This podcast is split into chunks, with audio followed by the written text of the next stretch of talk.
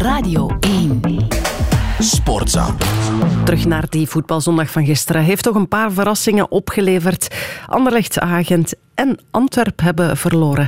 Kunnen we op doorgaan met eh, Peter van den Bemt. Goedemorgen, Peter. Goedemorgen. Geen 10 op 10 dus voor Antwerpen. De eerste nederlaag in de competitie ook.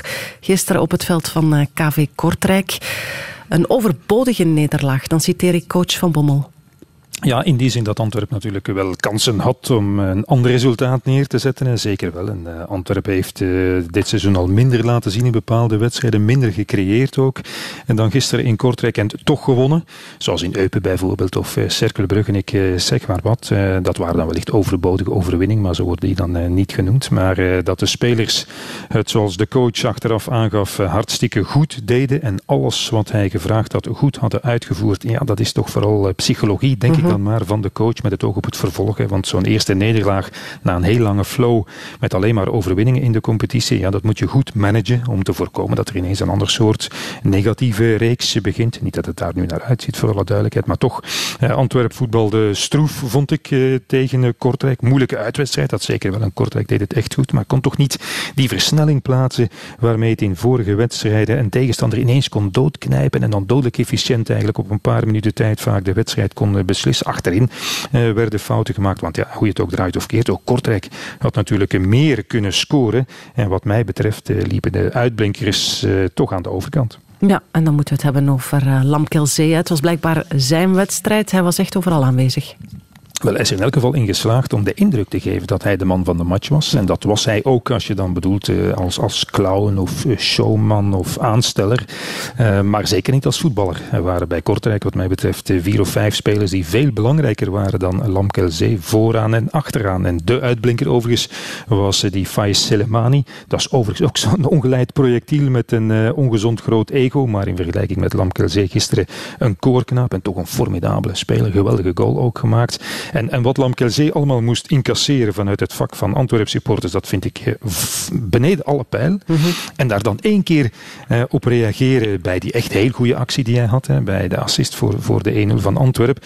Uh, dat moet zeker kunnen, dat je dan even wat, wat provoceert, maar daarna de hele wedstrijd door enkel met je eigen show bezig zijn, laten vallen, blijven liggen, publiek uh, bespelen. Ja, dat is eigenlijk gewoon zielig. vooral omdat, vind ik, Lamkelzee in verhouding tot die enorme kwaliteit en hij heeft als voetballer eigenlijk niets heeft laten zien gisteren.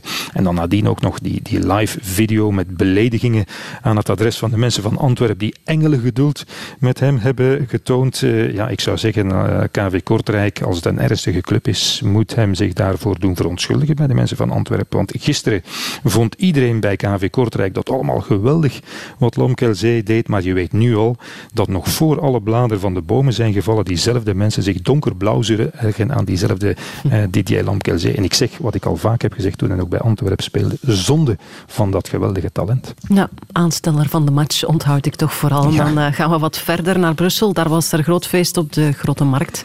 De viering van Remco Evenepoel. Beetje verder in Anderlecht, uh, ja, helemaal geen feest. Hij verloren van Charleroi, tiende plaats nu en in de rechterkolom beland. Is het crisis? Ja, uiteraard. Zelfs voor het, ik zou zeggen, nieuwe Anderlecht van de voorbije jaren, waar de lat noodgedwongen door de financiële situatie al dan niet tijdelijk een heel stuk lager ligt, is dit opgeteld toch gewoon een crisis. Hè. En als de wedstrijd van gisteren nu een alleenstaand geval was, hè, dat deze ploeg voor dit seizoen in andere matchen al vaak had laten zien dat ze veel beter kan, ja, dan was het niet zo erg. Dan was dat zo'n wedstrijd eh, die je op basis van, van overwicht en kansen altijd had kunnen winnen. Dat kan gebeuren, maar dat was het natuurlijk niet. En daarom is de toestand toch uh, zorgwekkend. Hè. Eigenlijk is, heeft Anderlecht wel al slechter gevoetbald dan gisteren tegen Charleroi. Misschien dan wel een resultaat neergezet. Maar goed, die zachte kentering die ze toch gehoopt hadden te, te kunnen voortzetten. Die er kwam tegen Kortrijk, Steaua Boekarest een resultaat behaald. Ja, die wordt op die manier dan toch weer gekelderd. En dan is begin oktober toch de conclusie dat de ploeg nog altijd niet op de rails staat vast. Eh, dat het voetbal in bepaalde delen van de wedstrijd toch nog altijd te staat is en te voorspelbaar is. Te veel breed.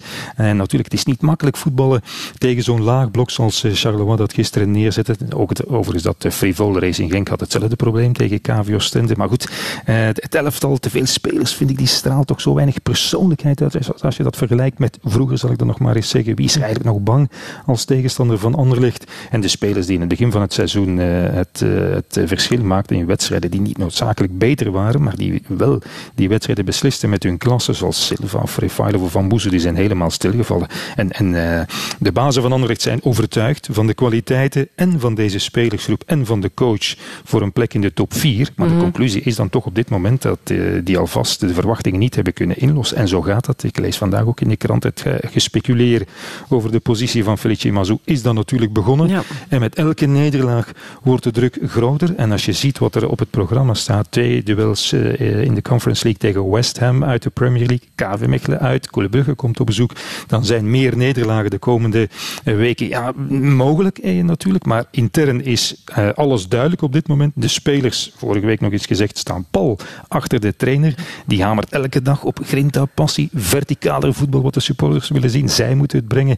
En het bestuur gelooft ook dat deze coach het hij zal keren. Alleen moet Felice Mazou dat zelf ook blijven uitstralen. Het geloof dat hij het zelf kan. geen twijfel of mhm. angst tonen of onzekerheid over zijn positie. En voor een gevoelsmens als Felice Mazou is dat niet eenvoudig. En uh, gevoelig zijn op dit moment als trainer van Anderlecht, dat is uh, geen goede kwaliteit, denk ik dan maar. Nee, inderdaad. dat fluitconcert zal dan ook wel aangekomen zijn. Peter van den Bemt, dankjewel.